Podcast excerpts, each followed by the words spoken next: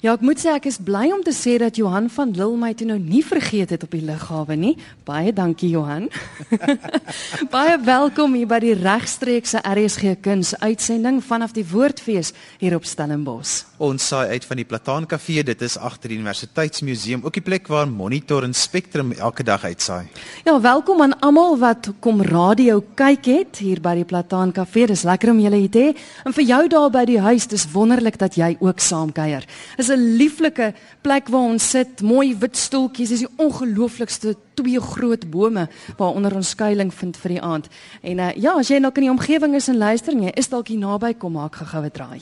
In vanaand se RSG Kuns gesels ons oor 'n hele paar van die produksies wat by vanjaar se Woordfees debuteer en wat ook na ander feeste toe gaan. So as jy nie hier kan wees nie, bly by die radio want ons bring die kunste na jou toe en vertel sommer meer oor wat jy by die Kunstefees naaste aan jou moontlik later in die jaar kan sien. Ons eerste twee gaste vir vanaand is Alex Hamilton en Marie Stander. Nou Alex is die visuele kunskoördineerder en hy is ook kurator van onder andere die Opskiet uitstalling plek plek as ook die lelie. Marie Stander is 'n kunstenaar wat 'n solo uitstalling het met die titel van Ons mense 2 en sy kuier ook vanaand saam met ons. Baie welkom julle twee. Baie dankie. Alex, kom ons begin by jou. Jy het vanoggend met die kunsrondleiding wat ons gedoen het gesê jy hou nie eintlik daarvan om bekend te staan as 'n kurator nie. Wat is jy dan? Ehm um, kunskoördineerder. Ehm um, die woord kurator is net so uh, streng partykeer. En ek vind dat mense dit intimiderend vind as jy sê jy's 'n kurator want hulle weet nie hoe om met jou te praat daaroor nie. So ek uh, het gekies om koördineerder te wees want dan kan mense miskien meer makliker vir my vrae vra en dit meer toeganklik maak. Alex het met 'n nuwe konsep hier by die feeste begin wat ek nou so by 'n paar feeste al gesien het, maar wat so gewild is hier by die woordfees nie meer. Luister sou die woord nou al opskiet en gehoor het wat ek dink nie nogal nie met kunsuitstallings geassosieer moet word nie. Wat is 'n opskiet? Ehm um, die Afrikaans vir pop-up. Ja, sê. Ehm um, die opskiet is 'n is 'n idee ehm um, wat ons begin het verlede jaar by woordfees en dit ehm um, behels die die ehm um, betrekking van mense op op op alle vlakke. Dis die gewone feesganger wat toegang kry tot kuns sonder dat hulle hoef te voel hulle moet in die museum ingaan. Nie dat ons hulle wil nie in die museum in hê nie, maar dit gee vir hulle 'n kans om om om kuns op 'n op 'n ander vlak te kyk na. So ons uh, uh, begin elke oggend en ehm um, dis 'n lekker vroeg begin ding en dit is RSG se skuld dat ons 5 uur in die oggend ek 5 uur in die oggend hier moet wees. Want jy stel elke dag 'n nuwe uitstalling op by hierdie opskiete. Ja, totale malligheid. Ek bedoel dis wie wie anders wil nou ehm um, elke dag 'n nuwe uitstalling doen. Maar dit dit dis deel van die van die toeganklikheid. Dis deel van die idee dat ons kan sê, kom ons kyk wat ons elke dag 'n verrassing het. Hoekom hoekom bring ons nie 'n verrassing ehm um, elke dag na die woordfees toe nie? Uh, en dis waar die idee begin het. En die die die vroegoggend ding is omdat ehm um, juis omdat jy uh toeskouers het wat radio kyk 6:00 in die oggend. En ons het gedink maar as ons vir hulle kan koffie gee en ons kan vir hulle begin boeke gee uh hoekom kan ons nie vir hulle kuns gee nie? En um dit was 'n groot sukses vir hierdie jaar en sover 'n groot sukses hierdie jaar. Nou al die uitstallings waarvoor jy verantwoordelik is het almal 'n tema wat deurloop. Wat was vanjaar se tema Ehm um, ja die die oorhoofse tema van die fees is natuurlik bly Uh, maar ons het besluit om bly te wees dat ons in Stellenbosch is. So die die die die garingdraad wat deur alles ge, geweef word of gehekel word of ge ehm um, span word is Stellenbosch. So Stellenbosch ehm um, lê na elkeen van die uitstallings en hooplik elkeen van die uitstallings uh, laat jy op 'n ander manier na Stellenbosch kyk. Alex jy's 'n dapper man in die kunste wil ek van nie dat jy vroeg opstaan alleen jy um, het ook van jou kunsgesprekke aangepak wat um, nogal interessante onderwerpe het. Ja, kunskletse. Ja. Dit is presies wat dit is. Ek het gedink ek uh, babbel in elk geval baie. So ek kan net sowel vir nog 'n uur babbel, maar dit is ook weer eens 'n informele platform wat ek geskep het waar ons oor sekere ehm um, aspekte van kuns praat oor pryse van kuns en hoe om 'n versameling te begin. Ehm um, en dan het ek gassprekers en ek nooi hulle en ons dit is regtig 'n gesprek meer as 'n ehm 'n 'n streng uh, seminar wat ons doen. So dis uh, dis baie lekker, dis baie pret. Vir die luisteraars wat so laat ingeskakel het, moontlik ons gesels met Alex Hamilton. Hy is die kunskoördineerder hier by die Woordfees. Alex, maar jy ons het vir Marie Stander ook hier en kan jy vir ons luisteraars dalk net aan haar voorstel en sê jy het haar gekies vir hierdie fees hoekom 'n bietjie van haar werk vertel wat sy nie sal sê nie. Wel natuurlik, Marie Stander se uitstalling Onze Mense 2 ehm um, uh, was deel van van van die van die plan om um, Stellenbosch bekend te stel want daar werk het Stellenbosch mense in. En dit was vir my so mooi om te sien hoe 'n uitstalling ehm um, eer kan betoon aan al die mense van Stellenbosch. Ehm um, nie net ehm um, sekere gedeeltes van Stellenbosch nie, maar almal. Uh, en dis hoekom ek gedink het dit pas so goed in ons in ons ehm um, uh oorhoofse tema. So Ek en Johan het vanmiddag gaan kyk na die uitstalling en wat 'n ongelooflike mense wat ons ontmoet het in jou uitstalling. Wie is hulle? Waar het jy hulle gekry? Wie jy um ek bly in Jamestown al vir 18 jaar. Jamestown is mos my eintlik Stellenbosch, want dit is letterlik 'n halwe kilo op pad strand toe uit Stellenbosch. Um dis eintlik 'n kleelingdorpie en um ons het 18 jaar terug daar ingetrek ons was van die eerstes wat daar aangetrek het en dit was net ek het op my opening ook gesê die eerste aand toe ek daar gebly het het dit my gevoel ek het arrived. Ehm um, die mense het ons met oop arms skimbord vol biryani ehm um, straatbraai twee weke later en ek het deel van die ons mense geraak en so ja, ek ek teken basies mense, karakters, stories wat my dag kruis. En ek bly in die dorpie en dis wat ek sien en wat ek beleef elke dag. So ja, dis die mense van Jamestown wat nou maar my groot inspirasie en liefde op die stadium is. Marie, vertel ons van die medium waarin jy werk en um, ook van die drukke wat jy dan maak van die oorspronklikes. Van die oorspronklikes, ja. Ek werk in hoërskool, ehm um, basies uh, ons dis pit en hoërskool as jy hulle lot daarvan. Ehm um, ek werk, ek hou van ek is mal oor die taktiliteit van houtskool, ehm um, oor die ehm um, amper kanseffekte wat jy kry, the immediacy of the me medium. Ehm um, die, die lig en donker kwaliteite wat ek kan kry. So ek is mal daaroor, dit werk vir my baie goed. Ehm um, nou en dan ehm um, bring ek so 'n bietjie kleur in saam met ink of met bietjie droë pastel. Ehm um, ja, ek dink net waar ek is in my lewe met twee besige tienerseuns en alles is is dit die medium wat werk vir my. Dit is ehm um, ek ek is mal oor teken. En jy doen spesifieke drukke. Vertel van die drukwerk want vir die afdrukke. Ja, kyk my werk is lewensgroot. Ek probeer dit taamlik na in lewensgroot hou. Ehm um, die portrette is bytelmal tot 2 meter hoog. Ehm um, die figure staan omtrent gewoonlik die, die amper die grootte van wat hulle werklik is. Ehm um, en ek het vir jare dit gemaak en toe ek dink dit was Theo Kleinhans of iemand wat eendag voorgestel het ehm um, hoekom sit jy dit nie in druk nie want dit sal so goed werk daarin en ehm um, ek doen 'n Giclay druk ehm um, my drukker ehm um, Colin ehm um, doen ongelooflike werk uh, daarmee. Ja, en dit werk baie goed. Dit dit is iets wat baie goed werk as 'n as 'n druk. Verduidelik vir ons luisteraars van 'n Giclay druk. O, gonna. en ek sê ek dink jy gaan met my met help. Ehm um, wat wat gebeur is ek kry my fotograaf, Andre Visser in wat die werk fotografeer. Ehm um, dis 'n tamelike proses om hom druk gereed te kry want daar mag geen merke, daar mag geen skade wees en goed opwees nie. So hy verwerk dit tot op 'n punt, dan word dit oorgestuur na Colin Brooker wat my drukker is. Dis 'n tipe van 'n archival digital tipe druk wat wat dan uh, gebruik word. Dis nie soos die ou iets tipe druk of so nie. En en daar's ook 'n edisie daarin. Ehm um, ek werk gewoonlik tot op 50.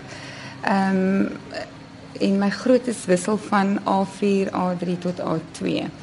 'n Klein hoeveelheid A1 word gemaak en dan is dit gewoonlik 'n edisie van 20 wonderlike karakters wat jy het. Ek moet sê ek het my hart verloor op Silwester se kleinkind. Is? Dis 'n lieflike klein seentjie. I like baie verwaarloos met sy hempie is vuil en hy het hierdie mekaar hare, my ongelooflike oë wat dwars deur jou kyk. Dis nogals wat ek opgemerk het in in almal hulle oë. Dis asof jy regtig in die siel van die karakter kan kyk. Is daar spesifieke temas waarop jy gefokus het? Man, ek ek moet jou nou gou-gou eers reg help. Daai daai se dogtertjie. Is dit 'n dogtertjie? Ja, Jammer, ja. Sylvester se Ehm, kleinkind. Rihanna Skeepers het 'n gedig daaroor geskryf en sy is totaal al verlief op daai dogtertjie nou. Haar, haar oupa, Sylvester werk vir ons. Ehm um, sy elke nou en dan in die tuin en hy het sulke oë en dis hoekom ek gepraat het van Sylvester se kleinkind want die oë kom van daar. Die oë is ehm um, vir my altyd daai soos hulle in Engels sê the windows of the soul en ek doen selde 'n portret van 'n persoon wat ek nie ken nie. So ek loop 'n baie lank pad saam met die modelle voordat ek eintlik voel ek is opgewasse genoeg om vir hulle te teken. Ek het ehm, 'n um, vrou geteken, Dorie. Um, Sy's nie in die boek nie. Ek het seker 5 jaar gevat voordat ek gevoel het ek het die guts om haar te teken en ehm um, ja, dit, dit ek, ek ek moet daai siel verstaan en ek hoop die siel kom uit met my tekeninge uiteindelik. Jy het nou genoem van die gedig as mens ook deur jou uitstalling werk, baie van hulle het gedigte daarbey. Mm. Hoe hoe kies jy die gedig? Wel, ehm um, kyk die die die gedigte word gemaak na aanleiding van die visuele beeld. Ek verstaan. Ja, dit is nie voor dit geskep nie. So wat ons gedoen het met die boekie Monica Ross, ehm um, die kurator van Rus en Vrede, is eintlik nou ex-kurator. Ehm um, was met my vorige boek ook deel van die projek. Die vorige boek was Ons mense, hierdie is nou Ons mense 2. Ehm um, ek het met die idee vir 'n dag gekom dat ek vreeslik graag sou wou digters skryf wat skryf oor my werk en dit is hoe die eerste boek vorendag gekom het. Ehm um, toe die boek uiteindelik uit in sy tweede edisie uitdruk is, ehm um, het ons toe besluit om ehm um, 'n tweede een te maak en ehm um, want ek het so baie werk en toe besluit ek wel ons doen nog een en ons het ons mense twee begin. So wat ek en sy gedoen het is ons saam gesit, ons het in met my grafiese ontwerper Marius Roo en besluit watter beelde gaan die beste werk in die boek want ek het nog honderde meer as hierdie. Ehm um, ons het ook besluit okay wat gaan ehm um, watter digter pas byvoorbeeld watter beeld die beste. En so ons het ons het letterlik die digters gehandpick per beeld. En dan het ons dit aan hulle gestuur. Party het my gekontak en vir my gevra vertel my se ietsie meer oor die oor die persoon. Ehm um, ander het bloot net hulle eie inisiatief gebruik en hulle eie interpretasie gebruik en dit is net ongelooflik hoe die twee mekaar absoluut tot 'n ander vlak verhoog. Dis Alex Hamilton en Marie Stander wat hier is wat deel is van die visuele kuns by vanjaar se woordfees. Ons jy's ingeskakel, ekskuus hier op RSG Kuns. Ons saai regstreeks uit vanaf die Woordfees hier by Stellenbosch. En uh, ja, ek is Christel Webjuber en saam met my is Johan van Lille. Ja, volgende gesels ons met eh, June van Merch en Dean Smith. Nou June is in 'n hele paar produksies hier by die Woordfees te sien, die Gangsters, Hond se gedagte en dan ook Kon laat ons sing wat ehm um, die Adam Small produksie is. En Dean is te sien in die Gangsters en die Dag is Bros saam met Sandra Prinsloo. So ons het twee en welkom. Hulle is al twee hier so in reg om met ons te gesels. Ja, dankie. Dankie Jan. June die Gangsters word by die Bregel Theater opgevoer. Nou baie van ons luisteraars ken nie die Bregel Theater nie want en hierdie stuk wat doen, die Gangsters het 'n sterk verbintenis met die Bregel Theater, ook die dramaturg Ben Haak wat wat hierdie teater gestig het. Ja, uiteraard van die het dokter, dink ek was die laat 70s. Die dokter saam met Andre Roodman uh, eintlik saam met die Kloeterswil jong mense die teatertjie begin. Uh en ek het toe klas gehad by dokter in 1979 80 81. Toe gaan ek vir 'n rukkie weg en toe kom ek terug. En uh, toe sluit ek toe by die Brekel aan en want dokter het toe die die voorgeskrewe uh, skoolprogramme die die die matrikulante se voorgeskrewe werke het hy toe nou uh oorgeneem en, en gedoen en in dieselfde proses toe die teatergebou met sy met sy eie fondse man alleen so Ja, want die Bregel Theater is ook gestig om die gemeenskap van Kloeterswil te bedien. Dis heeltemal reg, ja. Ehm um, kyk dit het amateur, die amateurgroep het gebly, maar dokter het toe nou daarin geslaag om ook 'n soort van 'n sogenaamde professionele groep in te bring om dan ook dan groot ons het ek dink Asias Passie was een van die stukke wat ons gedoen het, Barabbas ehm um, uh, wel ja ja die die gangsters wat nat, wat ons nou natuurlik doen uh, wat ook al gedoen is ek dink dit was 19 uh, wat 2000 en wat oor see gegaan het 2004 ek praat onder korreksie maar dit is al dis België toe gevat ja En hoe voel Ja. dit nou om na al die jare weer in die Bregel te speel? Dit is 'n groot eer. Kyk, dokter het 'n baie groot impak gehad op my studiejare omdat 79, 80, 81 was mos maar diep apartheid.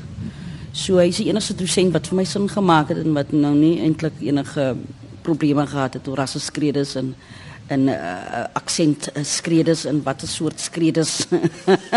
hy het geen skredes gehad nie, hy het maar net gedoen en en gegee en ge, en geleer en uh, ja, grootmeester op die gebied van van teater en insigte in in uh, spel in spel ek onthou uh 10000 volts was die minste wat jy vir dokter kon gee op die verhoog en dan natuurlik het altyd gesê die gehoor moet nooit weet wat is die akteur se volgende beweging nie ja so ja ja Dien, jy speel een van die hoofrolle in die gangster. Vertel vir ons van die storie. Uh, wel die storie, soos ek al voorheen ook gesê het is soos mense die term woord die gangsters hoor dan dan maak jy al klaar hierdie dan jy al klaar die persepsie van ook dit is nou bloed en revolvers en en messe en al daai tipe goed, die gangs en al dit. Maar dit het 'n hele nuwe aanslag wat wat dit bring en dit dit uh, het 'n politieke kant wat dit dek, die, die geloof wat dit dek. So hy het 'n hele ander aanslag wat hy vat, maar nog steeds uh, die boodskap kan deurbring wat baie dieper lê net as die gangs wat wat daaroor gepraat word.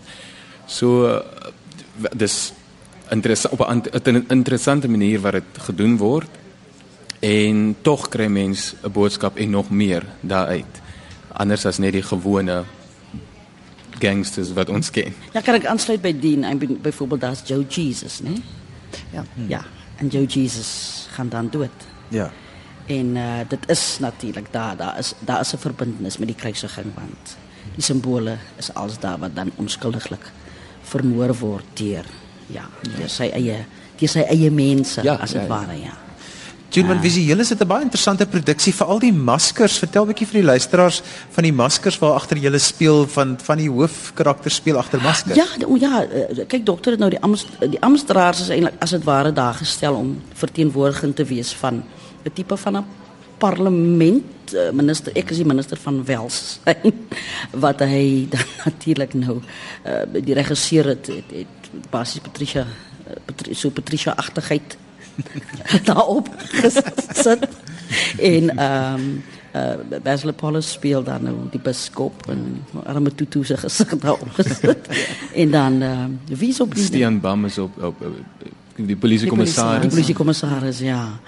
En so so so en dan is dit natuurlik nou die die, die kleurwêreld die bruin die moslim element wat uh, Ja, anti-gang is die an, anti anti-gang is kennen. Ja. En dan is dit natuurlik nou die goddelike biskop en dan die polisie. So so dokter De Hak het daarin geslaag om die gesagsfigure dan natuurlik um, In- ja. in, in teenstelling te sit met die en daar's 'n valsheid. Hulle is vals. Ja. En vol leewoorde en Ja, En dien ja. want ehm um, die kontras met die maskers is dit juist getatoeëer in hierdie produksie van kop tot tone. Ja, ja nee, jy's en dan was eens ons gesels het die regisseur ook vir ons dat sê dat dit is ba- kyk ons is die gang, ons is basically 'n informele gang, maar tog wat wat gesag af afdwing op ander, op ander mense in die gemeenskap en dit is ook tog wat 'n mens kan sê wat die mense in die parlement is. Dit is ook 'n groep mense wat gesag afdwing. Obvious natuurlik op 'n ander manier, meer uh uh, meer manier wat toelaatbaar is as mense dit so kan sê maar ja dis nog steeds in daai autoriteitsfigure wat wat uh ja gesag afdwing Maar ek weet nie of 'n mens eintlik reg eh, reg laat geskied Ja. aan die verskillende lae waarin dokter Bende Hak geslag het want kyk hy, hy, praat ook, ook van die heiligheid van teater. So jy het 'n teatertema mm. en dan jy die gewone mens. So ons kom in as akteurs. Ja. Maar hy skep dan uh, basies 'n uh, 'n ruimte waarin 'n mens enigiets kan speel en teater is dan as dit ware die plek waar jy enige rol kan vat. Ja. Enige iets kan aanpak. So so dis is, is vol la. ja nee dis definitief en as ek Ja. as, as ek kan aansluit daar is dit jy's daai ding van soos soos ehm um, Juno as anti Juno gesê het dis daai Alles heeft mijn attitude. Drang daarop aan. dan Juno gesê het dis hy ding van ons kom op as as akteurs ja. eersins Ja. en dan geneem ons hierdie karakters in en dan is die hele tyd hierdie um, word jy heeltyd herinner dat dit is teater en dan so tussenin word daar kommentaar gelewer met teater is verhewe en al hierdie verskillende kommentaar wat daar gelewer word. En byvoorbeeld in die teks self was daar 'n deel waar sy okay, jy speel hierdie karakter. So dit is daai heeltyd wat vir jou herinner jy is besig om teater te kyk en so kan jy dan tot op met die einde is dit 'n mm. ding wat dit alles bymekaar kom dat 'n mens moet onthou jy teater is 'n magiese plek, die plek waar jy kan wees wie en wat jy wil wanneer jy wil en steeds daarna jouself bly. Nou, julle is nog te sien by die fees, maar Juniors en twee ander produksies ook te sien. Ja, ek doen nog ehm um, iets anders. Hondse gedagte. Daar speel jy baie ja. interessante karakter. Ja. Ja, want dis 'n klug, né? Kruip kruip ja. Ja, ek ek ek uh, doen hondse gedagte. Ek het nie baie groot rolletjie nie, maar dit is vir my aangenaam. En dan doen ek uh, kolat ons sing, uh, ek basies gedigte voorlees en so 'n bietjie van my sangtalent weer laat terug laat terugkom. Uh, ek het gesing op my dag. Ek het eintlik agterweeg gelaat. Ek is so bang as ek eendag op kom gaan hy vra, "Hy, wat jy moet jou talent gemaak." So ek sing so 'n bietjie en kolat ons sing. So jy nou vir ons wou sing. ek weet nie um, wat kan ek sing? Ek swoer en ek glo nie, swaar my nie my sweets. ek het jou die eerste keer op 'n verhoog gesien en was dit een van jou singrolle so. Is dit reg? My, ja, dit is jare gelede. Wow, ja, in elk geval. Dien maar jy speel teenoor Sanda Prinsloo in die dag is bros. Dit ja. is 'n wonderlike produksie. Vertel ja. bietjie. Wel, wat wat kan 'n mens sê? Jy speel met hierdie ongelooflike mense uh en almal almal van hulle is Sandra, Nicole en Ben. Jy speel toe met die mense en dan is daar sulke oomblikke wat terwyl ek wel altyd dit nog vars in die repetisielokaal nog aan die begin. Dan speel jy oor hierdie mense en dan is jy in die tonele en dan kom dit nou by die klimaks en dan wil jy eintlik net daar stop en sê ja. maar ons sê jy is nie nou iemand wat kyk nie, jy's in dit. So jy moet maar nou by mekaar trek en aangaan. so ja nee, ek mens leer verskriklik baie ontsettend baie soos soos mens aangaan en uh, soveel wat 'n mens kan wel leer en steel veral as 'n jong as 'n jong um, opkomende kunstenaar wat nou nou voete vind en wat werk, wat werk nie om so te sien wat werk vir ander mense uit te probeer en, en so jou eie metode te kan skep. So dis ek geniet dit verskriklik baie. Van June Kolla te sing dit is een van die dekade produksies is een van die produksies vir die Woordfees met 'n besondere rede van jaar doen. Ja, ja, dus dit is ehm um, Erms Moore se 80ste verjaarsdag so. Dit is 'n once off, die mense moet kom kyk. Dit is by die Spierteater van nou donderdag, donderdag aand half half 9, ja. Dit was lekker om met julle te gesels. Baie baie dankie dat ons kon kom. Jy luister na RSG Kind saam met my Johan van Lille en Christel Webber en ons saai uit op RSG 100 tot 104 FM en wêreldwyd op die internet by rsg.co.za natuurlik ook DStv audiokanaal 913. Ons saai uit regstreeks vanaf die Woordfees op Stellenbosch en hier by die Plataan Kafee waar Monitor en Spectrum ook elke oggend vanaf regstreeks uitgesaai word. Ja, en volgende gesels ons met Willem Willem Bester, hy is hier by ons op die verhoog en uh, ons gesels bietjie oor opera en dis die opera Dido en Aeneas. Ek weet ons moes vanmiddag doodseker maak dat ons die uitspraak reg het. Dit klink nou vir my reg. Baie welkom hier by ons. Baie dankie. Dit is 'n dis 'n relatiewe onbekende opera, Willem. Ja en nee. Kyk as ons nou praat van die tipe van opera wat ons die Cape Consort uh, ons voorbeywer is dit vroeë musiek. So ons praat van goed in 1750 en vroeër. En dit is dan nou een van die eerste bekende operas kan 'n mens sê um, in die Engelse taal. So dit is nie die tipiese opera wat jy kry met uh Italiaanse divas wat vir 'n halfuur lank doodgaan nie. Dis 'n baie meer beperkte besetting. Vertel 'n bietjie wat van die storielyn. Die storie ehm um, kom van Virgilius se uh, ehm um, uh Aeneid of Aeneide dink ek sê in Afrikaans. Mm. Ehm mm. um, maar dis net 'n klein breekdeeltjie daarvan. So die oorspronklike storie is dat die Trojaanse prins Aeneas uh kom by Karthago aan waar hy dan betrokke raak by die uh koningin uh Dido. En natuurlik eindig dinge nie gelukkig nie, veral omdat die taak van Aeneas is om uh Rome toe te gaan waar hy die plek moet gaan help stig. Um ons onder leiding van ons regisseur Marie Boslap het 'n bietjie van 'n nuwe storie daaraan gekoppel. So dis nie heeltemal dieselfde as wat mense dit dalk sal mag ken nie. En in ons geval is Dido um 'n pasiënt in 'n sielsieke inrigting. En sy het dan hierdie verskriklike terugflits na hierdie traumatiese verhouding wat sy gehad het en die skeiding. So dit dit dra 'n baie meer psigiese storie. Dis dis regtig modern al is die musiek oud. Hoe was dit om saam met haar te werk? Want want ek weet eh, ons het vanmiddag gou-gou met haar gesels en toe sê sy julle kom redelik uit 'n agtergrond uit waar julle gewoon daarin is om in 'n half maand tipe van te sing Ja. julle werk uit te voer. Jy moet julle akteurs wees en en eh, sy het seker baie meer van julle verwag. Beslis. Ehm um, ek kan nou maar net vir myself praat en ek bedoel dis vir my moeilik. Ek het vanmiddag vir iemand gesê dat ek is 'n ehm um, 'n baroktenor wat beteken ek staan dikwels en ek is 'n verteller in 'n passie of 'n oratorium of 'n ding en ek lewer self kommentaar op wat al die ander idiote daaronder kan doen. In hierdie geval ek was regtig waar I I had to get into the thick of things.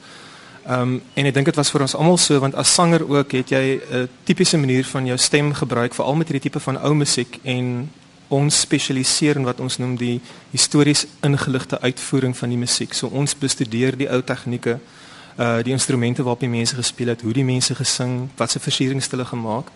En natuurlik is mense dan baie versigtig wat jy maak met jou lyf. Anders neem ek aan as 'n akteur. En Marie het ons gedryf en ons gelei om baie verder te gaan as waar ons gewoond is. Ehm um, dit was partymal nogal taaf. Ehm um, maar ek dink die die eindproduk gaan gaan baie interessant en visueel sowel as op die ore gaan gaan definitief iets wees om te sien en te hoor. Ja, want die produksie het nou nog nie geopen nie. Mm. Ja, ja, so ons kon hom nie sien nie, so ek wil alles weet hiervan. Kom ons praat gou oor barokopera. Mm -hmm. Vir die van ons wat nie 'n algemene breë kennis van musiek het nie, wat maak barok barok? Wat maak barok barok? Dit gaan maar baie oor die styl en 'n tipiese ding van barokmusiek is dat jy altyd wat mense noem die basso continuo het. So iemand het die baslyn bygeskryf. Mm -hmm. Dit wil sit hulle net die bas en die sopraanlyn geskryf met 'n paar syfertjies by. En dan het jy 'n groep instrumentaliste um, met 'n klawerbord gewoonlik by en dan iets soos 'n barok cello of 'n ou instrument wat mense noem 'n gamba. Dis 'n lyk amper soos 'n cello. 'n Strykinstrument. En hulle vul dan in soos wat hulle goed dink volgens sekere stylbeginsels. Nou die probleem vir ons wat ehm um, sal ons nou maar sê navorsings doen in uitvoering oor die goed is natuurlik dit is nie eksplisiet neergeskryf nie. So ons moet baie van die ou tekste in die hande kry, bestudeer en dan leer hoe om hierdie tipe van note, figure en die goed in te vul. So dit is tipiese baie baie kleiner idees Italiaanse opera. Byvoorbeeld om jou 'n idee te gee, ons is net 6 sangers op die verhoog. En tussen ons doen ons 'n hele paar rolle, ons doen die koor, 'n hele paar goed en ons orkes wat ons het bestaan uit 5 instrumente. Ehm um, so dis baie meer kamerwerke, maar natuurlik as jy dink aan groot goed Bach se passies, ehm um, Handel se Messias, dis alles voorbeelde van barok, maar dis aansienlik groter. Hierdie is nou meer van 'n kameropera. Ja, want Marie is baie bekend vir verhoogstukke, maar minder bekend. Ek dink sy wou nog altyd graag 'n opera gedoen het. Ja, sover as ek weet is dit haar eerste ehm um, poging tot tot 'n opera. Ehm um, en sy is natuurlik baie bekend ook as 'n ontwerper. So visueel is sy ongelooflik ingestel en ek dink omdat ons op die klank ingestel is, hierdie ongelooflike visuele element wat nou bykom ook. Ehm um, is natuurlik fantasties veral omdat ehm um, ons groep uh beywer is na die hele ruk om 'n uh, wat ons noem 'n ten volle ingeklede opera te doen. So ons het al van tevore van die ouer operas gedoen maar in konsertweergawe. So ons staan en sing in 'n halfmaan. Ja. En dit is nou wat Marie daarvoor is en wat Marie ons nou mee gehelp het. So het julle 'n stel, het julle vol kostuum. Ons het 'n stel, ehm um, ons het kostuums, ons het die hele toetie.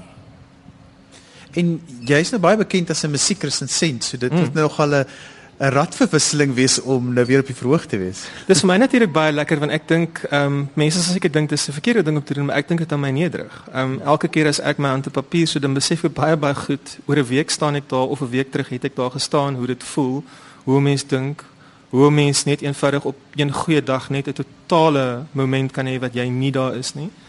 Ehm um, en vir my as resensent ook omdat ek partymal drama ook doen behalwe die musiek was dit regtig vir ook 'n leerskool om te sien van vooraf hoe iemand werk en 'n produksie aan mekaar sit want Marie is 'n baie organiese regisseur. So dit was nie van daai iemand stap in en het en gebed jou en sê jy sal dit doen dit dit dit gaan nou so gebeur nie. Ons het gesit wat ons dae lank en ure lank gesit het om te kyk wat gaan werk, hoe werk die storie, wat dink ons van die karakters en veral omdat dit 'n ou storie is wat dalk nie meer so relevant is nie, dit kan 'n bietjie gelees word as 'n moraliteitsstorie. Ehm um, en veral as gevolg daarvan om dit nou weer 'n nuwe baadjie te gee, maar omdat ons hierdie agtergrond het van hierdie historiese ingeligte uitvoering, kan ons nie bekostig om die musiek te laat skade ly nie, want dan is dit soos enige ander produksie. En dit natuurlik dit dit was moeilik want soms die musiek sê vir jou dis alles baie stadig en treurig en die regisseur kom na jou en sê sy vir jou nee nee nee nee nee, maar dis nie wat hier nodig is vir die storie nie, so jy moet nou rondhardloop. En vir 'n musikus, vir 'n musikant vir alles jy dit uitvoer, omdat jy self met jou hele lyf wil tyd hou en wil ritme hou, is dit natuurlik 'n verskriklike moeilike ding om byvoorbeeld so iets te doen. Maar maar juist daarom omdat dit hierdie moderne aanslag op direksie is, dink ek gaan dit gaan dit definitief visueel en op die ore dan verskriklik nice werk. Maar soos ek verstaan, selfs al is dit 'n ou storie, is dit baie toeganklik.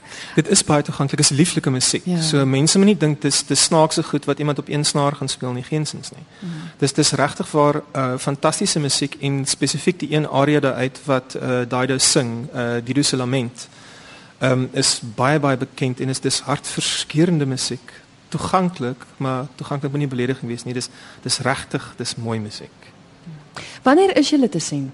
Ons is te sien die naweek, so ons het twee uitvoerings. Die eerste is Saterdag die 11de, dis 6:00 die aand. En dan Sondagmiddag die 13de is dit 06:30 ook weer vroeg aand. Goed, dit is dan Willem Bester met wie ons gesels het en hy is te sien in die Barok Opera en dis Daido en Aneas. Baie dankie dat jy by ons kom kuier het. Baie dankie vir die geleentheid. As jy sopas ingeskakel het jy luister na RSG Kind saam met my Johan van Lille en Christel Webber en ons saai uit op RSG 100 tot 104 FM en wêreldwyd op die internet by rsg.co.za en natuurlik die DStv audio kanaal 913. Nou as jy die agtergrondgeluide van die wind hoor, dan weet jy ons is nie vanaand in 'n in 'n ateljee nie. Ons is by die Plataan Kafee hier by die Woordfees op Stellenbosch. Ons saai regstreeks hier uit en dan het ons ook 'n hele paar mense wat vanaand kom radio kyk het Christel. Inderdaad ja, Johan het aan die hare nie, so dit kan nie die mekaar waai nie. maar ja, die wind waai lekker hierso. En uh, Alex Hamilton is weer op die verhoog gewaai. Hy is die visuele koördineerder, die visuele kunskoördineerder hier by die fees. En ons gaan verder met hom gesels oor visuele kuns want dit speel 'n ongelooflike groot rol by die fees. Ek weet oral op verskillende plekke kan jy gaan kyk na uitstallings. Ek dink jy het genoem daar's 16 uitstallings wat jy gereël het spesifiek as deel van die woordfees. Ja, hierdie jaar is daar 16 uitstallings en dis ehm um, omtrent dubbel of uh, meer is dubbel soveel as vir hierdie jaar byvoorbeeld. Ehm um, wat ons probeer doen het is om dit uh, meer toeganklik te maak op 'n op 'n wyeer vlak natuurlik. Ek het dit van tevore al genoem. Ehm um, so daar's ehm um, 16 offisiële uitstallings en ek het met 66 kunstenaars gewerk. Ja. Ek wil gou hê ons moet ons moet gesels oor die feeskunstenaars. Baie interessant. Ek weet julle het vanmiddag op Spectrum met jy wel met Susan hulle daaroor gesels. Maar Mary, Hoekom het jy haar ingesluit? En ek weet sy was baie verbaas geweest toe jy haar gevra het. Ja, nee, dit was um, dit is een van daai wonderlike oomblikke wanneer waar, waar drome waar word. Ehm um, sy is een van my gunsteling persoonlik my gunsteling um, kunstenaars in Suid-Afrika. Ek dink sy is ongelooflik in wat sy doen. Ehm um, interessant. Ehm um, die uh, Engelse woord is topical. Ehm um, En dit is hoe ek hoe ek begin het. Ehm um, ek het gedink wat sal vir my die meeste plesier gee en wat sal die Stellenbosse gehoor ehm um, die meeste ehm um, plesier gee om te sien en miskien diepte gee aan die aan die aan die fees. En so het ons haar genader en Ehm um, en dit was 'n wonderlike oomblik om om haar te te te kon kry. Ja, want die kleurpers. jy het vanmiddag so klein bietjie maar praat so 'n bietjie meer oor die kleurpers wat daarom nou ook 'n interessante toevoegsel tot die woordfees is. ja, dit is dit, dit is so toevallig gebeur want ehm um, ons het haar genooi ehm um, lankal terug, 'n hele paar maande gelede en en sy kon kies wat se wat wat 'n deel van haar werk sy wou uitstal en sy het die pers gedeelte ge, ge, gekies. Ehm um, en hoe hoe hoe nader dit gekom het aan die fees, hoe meer moeilikheid was hier op Stellenbosch. Ehm um, met die, die kleur pers. Dit is 'n gelaaide kleur. Daar's ontsettend baie ehm um, uh, politieke ehm um, uh, gelowige simbolisme in pers ehm um, en en dit het net meer relevant geword. Nou keramiekkuns is in Suid-Afrika besig om groot naam wêreld. Dit is interessant. Ons ons land begin net al hoe meer toonaangewend raak op keramiekkuns en ehm um, julle het vir Henny Meyer gevra om vir ons gebak wat ook 'n interessante titel is met die uitstalling wat in die Hofmeyer saal is. Ja, dit was uh, ek moet sê baie baie dankie aan Henny want hy het 'n fantastiese werk gedoen um, om vir ons die die keramiek uitstalling te doen. Ehm um, die woord gebak het gekom van natuurlik uh, ons is in 'n kerksaal en ons gedink ons moet 'n bietjie eer betoon aan die aan daai gebakte tafel vol lekkernye. En ehm um, en uh, wat hy doen met die uitstalling is om funksionele werk ehm um, te vat en dit kuns te maak en die uh, gesprek te begin van wat is funksionele keramiekwerk en wat is kuns um, as dit kom by keramiek.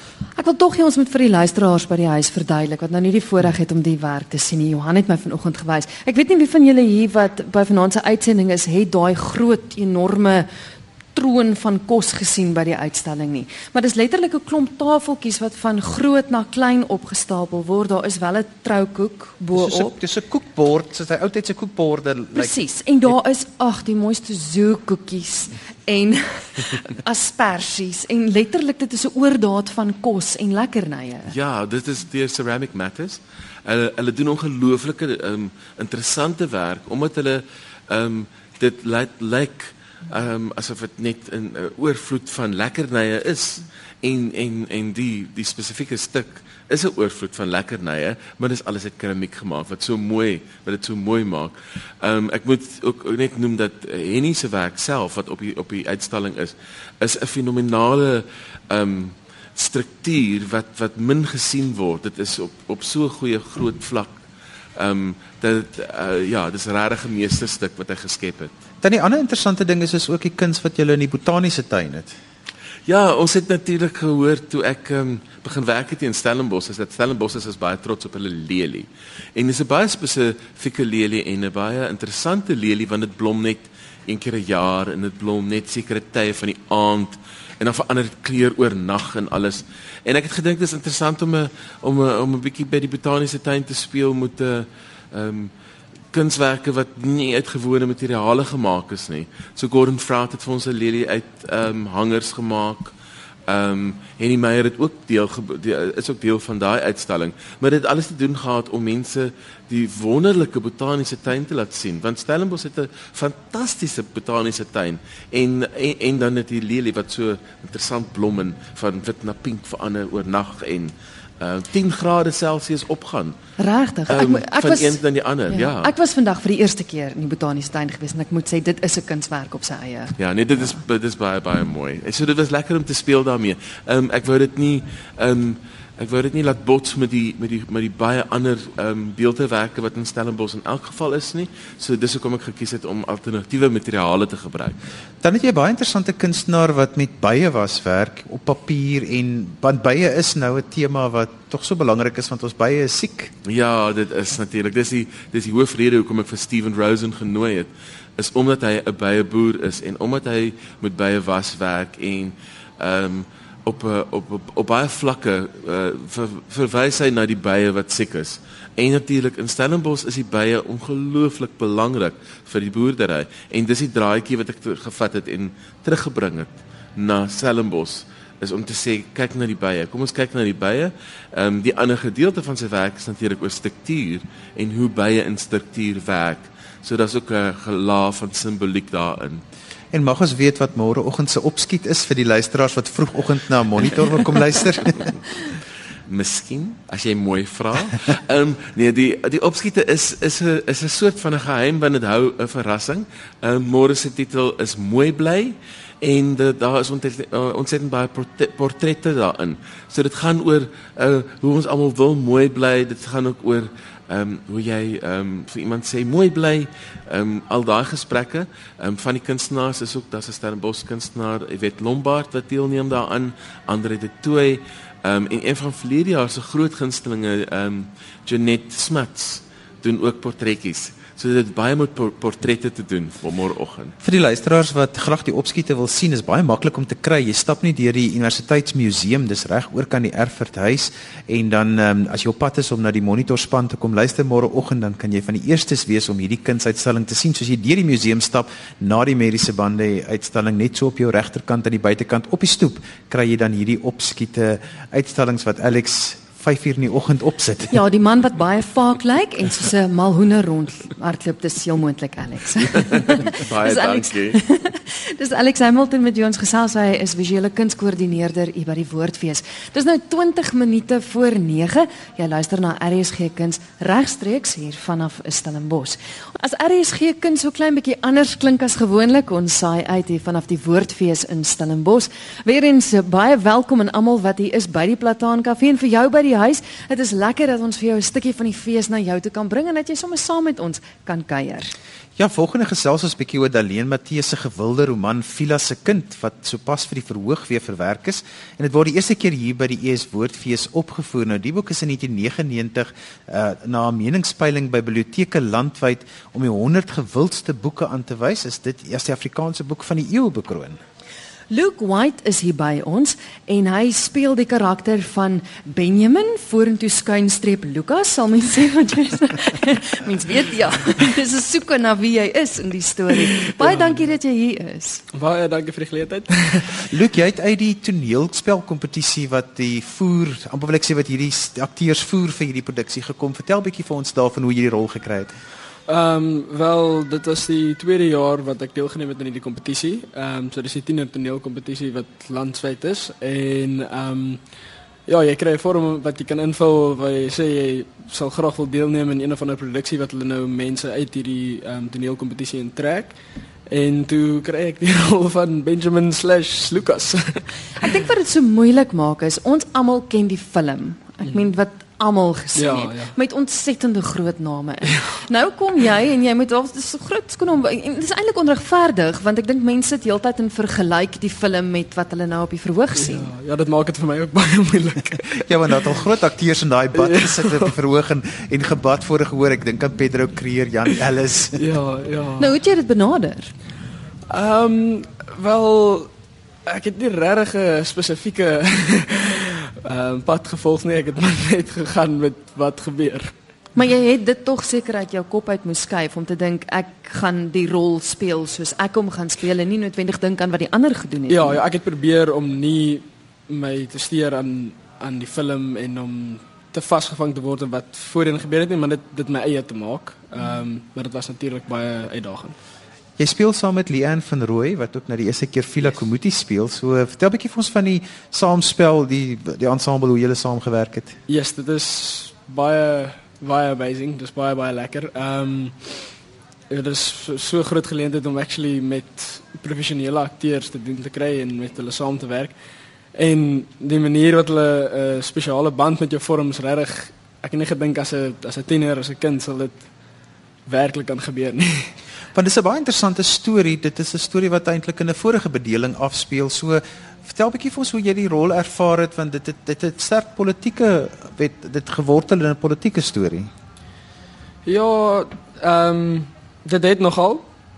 En ek- ons het die boek by die skool ook gelees en daar het ons ook oor al daai politiek gepraat en alles en ek dink ek hou van daai deel van die storie. Ek hou daarvan dat dit dit aanraak en dit laat jou regtig 'n bietjie dieper dink oor die lewe. En wie speel Nina teenoor teenoor jou? Ehm um, dit is Carla Smith. Sy is nou eerste jaar hier so op Stellenbosch en ek ken haar al hele rukkie en sy's ook baie baie baie baie goed. Ek dink is moeilik ook veral omdat ek meen dis 'n dikke boek en nou moet mense dit Ja. verwerk. Jy kan net die mense noodwendig vir ure laat sit en kyk na 'n stuk nie.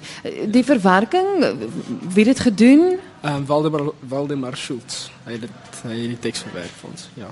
En ook nog 'n uitdaging van die stuk is ek meen ek het nou gister die produksie gesien, maar dit speel ook in 'n klomp verskillende ruimtes af. Julle het nogals baie slim gedoen om om die verskillende, jy weet, huisies en ruimtes en plekke te skep. Ja, Waldemar het ook vir ons die set design gedoen en dit was sy idee om vir ons ehm um, basies net een huis te maak wat dan net van ehm um, van kant verander vir verskillende tonele. En dis 'n baie nice idee, maar dit sukkel 'n bietjie om die ding geskryf te kry met so min ruimte en met die min hande. Ehm um, so ons sukkel so klein bietjie met die scene changes en dis hoekom die produksie bietjie langer is as wat dit veronderstel is om te wees, maar dis nog steeds ek dink dis 'n briljante idee en dit werk ook baie goed. En jy speel natuurlik van jong seun tot 'n ouer karakter. Ja, ja, dis baie uitdagend. Ehm um, veral met die aksent ook as jy weet as om te probeer om 'n kleerling te wees en so aan die begin is baie baie uitdagend. Dit is Luke White wat hier by ons kuier en hy is te sien in Villa se kind. Julle is nog ek dink een of twee keer te sien, hè. Ja, ons is nog donderdag aand en Vrydag ons twee keer, so nog drie keer. Nog drie produksies, ja. Maar vir die mense wat dit gemis het en wat nie nou by die woordfees kan uitkom nie, daar is ook 'n later in die jaar nog 'n ehm um, stuk wat dit speel nog 'n bietjie later by die Ja, Kunstekaap. Ja, by Artscape. Yes. Dit is Luke White met wie ons gesels het, soos ek gesê het in Villa se kind. Baie dankie dat jy by ons kom kuier. het. Baie dankie vir die geleentheid weer eens. Jy luister na RSG Kuns hier vanaf die Woordfees en die laaste bekende hier in Stellenbosch met wie ons gesels is Andrei van der Merwe en hy is natuurlik van die Stellenbosch Universiteitskoor. Ja, hulle is natuurlik resulteer hierdie jaar van nou af onder die Woordfees kantoor, so dit maak dit nog meer gepas Andre dat julle dat julle hier is, maar is 'n besonderse jaar want julle vier julle 85ste verjaardag. Ja, ek is nou oud. Maar jy is nie al so lank by die koor nie. Nee nee, ek lyk net baie goed vir my ouderdom. nee nee, ek is, ek dink ek is die sewende dirigent van die koor. Ek dink um, ons is die oudste um, koor in die land en ons het 'n geweldige trotse en 'n groot pool uh, alumni studente of koorlede wat vir ons vanaf 1935 af gesing het. En baie van hulle kom luister nog steeds. Vertel ons van die program wat julle hier by die Woordfees doen. Mm -hmm. Ek is baie opgewonde. Ons gaan vir die eerste keer kragte saamsnoer met Antoinette Kellerman. Ons ons tema vir die uh, vir die konsert is Prelude tot pyn, skaduwees en vlerke. Ehm um, dit, dit dit gaan so 'n bietjie oor pyn, maar ook oor hoop. Is dan nie net 'n vreeslike grim besigheid nie. En ons het Sondag saam met Antoinette gerepeteer. Sy het so begin die teks lees saam met ons en sy het sommer vir die koor hoendervleis gegee net want sy sê mos net hond, dan klink dit reg. Dis en en dit sy sy bring baie mooi atmosfeer saam met die musiek. Ehm um, is die eerste keer dat ek probeer om so 'n bietjie woord en musiek saam te snoer in in 'n tema en ek dink die koor is ook baie opgewonde daaroor. Bekende musiek wat hulle gaan hoor? N nee, dit is uh, redelik nuwe musiek. Um, ons gaan vanjaar deelneem in die wêreldkoorspele weer in Sochi in Rusland, daar waar die winter Olimpiese spele altyd gehou word maar ons gaan in die somer en die musiek wat ons vanjaar sing is redelik gekies vir daardie kompetisie maar ons sing ook 'n um, interessante ligter verwerking soos byvoorbeeld ons het 'n verwerking gemaak van Karen Zoid en Franswa se Toe vind ek jou. Ek het gewonder of dit gaan werk want daai goed werk nie altyd in die koorkonteks maar die woorde in die harmonie is so mooi. So ek dink die gehoor gaan lekker kan uitsien na iets ligter maar uh, die musiek is redelik nie ons sing twee wêreldpremiers um, wat komponiste spesiaal vir ons geskryf het wat bietjie meer komplekse musiek is maar is nog baie mooi melodieus ook. So ja. Die vorige keer ekskuus toe julle aan die kompetisie deelgeneem het, het julle eintlik geskiedenis gemaak want ek dink julle was die eerste koor wat 99% gekry het. Ja. Het ek reg gelees? Ek ek wou nie weer aan die kompetisie gaan deelneem nie, maar die koor het my oortuig dat hulle hulle het gesê dit gaan nie veel oor die kompetisie nie. Ek wil jy wat ook al jy nou weer gaan doen, dit gaan 'n antiklimaks wees dink ek, want die mense gaan nie weer daai punt kry nie. Dis vir een keer in 'n lewenstyd. En mense het ook maar punte met 'n knippie sout vat. Dis mos maar 'n kompetisie, maar dit was 'n wonderlike ervaring om daai rekord te breek en om te wen in in in Riga in Letland verlede jaar. Ek kyk altyd aan die program wat jy saamstel en dink ek, daar's altyd die tradisionele goed wat 'n mens verwag van 'n koor, maar dan skuif jy altyd so 'n bietjie die grense van koormusiek. Is dit 'n doelbewuste poging? Uh, weet jy wat gebeur omdat die universiteitskoor is redelik bekend oor see by by musisië en komponiste en die komponiste hoor hulle optree dan stuur hulle vir my werk en sê wil ons dit probeer en van die goed is absoluut ongelooflik. Ons doen nou 'n wêreldpremier van 'n ehm um, Hongaarse komponis Genjisi Levente Levente Genjisi. Dit sê eintlik beter as jy glasie rooi wyn in. Ehm um, uh, en dit, ons het is 'n ongelooflike mooi werk. Moeilik. Ons het dit vanaand geoefen en, die, en ons sukkel nog maar sal dit reg hê donderdag. So dit is 'n kom ja, dit is miskien nie goeders wat jy altyd elke dag in Suid-Afrika hoor nie want ons is bevoorreg. Mense gee vir ons hulle nuwe musiek. So ek kan regtig sê die ES koor sing wat hier en nou gebeur op die internasionale verhoë in terme van koormusiek. Wat maak dat jy so suksesvol is? Hier's ongelooflike talent op Stellenbosch. Hier's 'n singkultuur en die feit dat die koor so oud is, uh, mense voor my, Gawie se Lee, die legendariese Philip McLaughlin, Akama Fik, Sonja van der Walt, Johan de Villiers, het briljante werk gedoen om 'n om om 'n tradisie en 'n liefde vir hierdie tipe uh, ensemblesang te skep en ek vat dit net verder. Um, ons is 'n groot koor 120 lede. Ek spot altyd en sê ek kan 200 lede in die koor hê, maar ons gaan net bevoeg pas nie. So dit is 'n wonderlike kombinasie van die studente liefmaak vir dissipline en om die musiek met integriteit uit te voer, maar maar natuurlik ook die repertorium. Ons sing wonderlike musiek en dan klink dit sommer alles al klaar beter. Wat die uitdagings van die universiteitskoor is juist dat die studente dit in hulle vrye tyd moet doen. O ja, vertel vir my alles daarvan. Ehm um, ja, want ons ons het ek is baie trots, ons het 'n baie sterk mediese studentekorps in die koor, so 30 lede wat wat twee keer 'n week deur hy van die Tygerberg kampus af. Dit versoen die twee kampusse nogals lekker. Baie sterk musikale talent daar en bittermin BM studente, so dit is 'n koor vir alle studente van oor uh, alle kurrikulums op die universiteit. Ehm um, en die groot ding waarop ek aandring is dat hulle self werksaam moet wees. Hulle moet die musie, hulle moet die ek doen nie note nie. Hulle moet die note op hulle eie leer. En dan sit ek dit vir hulle bymekaar en hopelik maak ons magic. Want ek het nog daaroor gewonder want die woordfees is taamlik vroeg in die jaar, so ek neem aan vir 'n dirigent moet jy sien iets van staal hê. Ja, ons oefen nou so 'n bietjie meer as 'n maand en is alles nuwe musiek, maar regtig waar. Ek werk met absolute kaliber mense. Dis mense wat lief is vir wat hulle doen. Hulle werk op hulle eie en se repetisie was weer so lekker. Van die goed klink al so mooi. Ek kan nie glo dis 5 weke later nie. Ja, want dit is ongelooflik op een aan die einde van elke jaar verloor jy 'n hele paar lede. en- Amper amper die helfte van die koor elke jaar. So ons dis letterlik elke jaar 'n splinternuwe koor. Hoe hoe kry mens die konstante koorklank as jy so baie van jou lede elke jaar meer van voor af mee moet begin? Jy sien hulle dit vir my en ek het 'n ek het 'n baie sterk klankideaal in terme van ensemblesang. Dit is een van die dinge waarvoor ek baie lief is. In vokale tegnieke, hoe om die hoe homogene vokale te sing dat die intonasie mooi bly ensovoorts ensovoorts. Ehm um, en ek ek ek is bevoorreg om slim mense te kies. Hulle vang gou. Ja, want as jy nou 'n titel moet gaan verdedig, dis 'n ander koor wat gaan. Absoluut, dis nooit die mense vra hoe gaan nie hulle weer deel. Dis om vir daai nuwe mense die kans te gee. Nie net om te gaan wen nie, maar dis gaan nie elke keer wen nie, maar dit gaan daaroor om vir die wêreld te gewys hoe lyk ons jeug. Die koor word al meer divers. Ek is en is dit nie 'n doelbewuste ding nie, dit gebeur spontaan en dat die mense kan sien uh, want mense hoor sulke negatiewe goed oor ons um, rasse haat en sulke goed. In die koor is die enigste kleur wat belangrik is jou stemkleur. En en dit is dis lekker om dit te sê want niks is geforseer nie, dit gebeur spontaan. So mense gaan nie meer deel om te wen nie. Jy gaan wys vir die wêreld dis wie Suid-Afrika is. Ons moet seker nou een van jou koorlede hier gehad het om te vra wat se tipe dirigent jy is, maar dit lyk Hulle sal my- almal vir jou sê mal soos 'n haas en partykeer miskien te kwaai, maar ehm um, ek dink ons werk saam as 'n wonderlike span. Jy's ingeskakel hier op RSG Kunste se Andrei van der Merwe met wie ons gesels. Hy is die dirigent van die O, ek sien een van die koorlede is hier. Was nou te laat, moenie vir hom vra nie. Andrei, dit is nou die eerste optredes wat jy het vir die jaar. Absoluut. Wanneer is jy te sien hier by die Woordfees? Ons sing donderdagmiddag en vrydagmiddag kwart oor 1 in die Endlersaal. Donderdag se vertoning is uitverkoop en daar's ek dink nog so 20 kaartjies oor vir vrydagmiddag. Dit gaan wonderlik wees as iemand nog wil kom, net om vir Antoinette in aksie te sien met daai gediggies wat sy lees. En ek dink die koor gaan mooi maak. Dit is baie baie interessante musiek.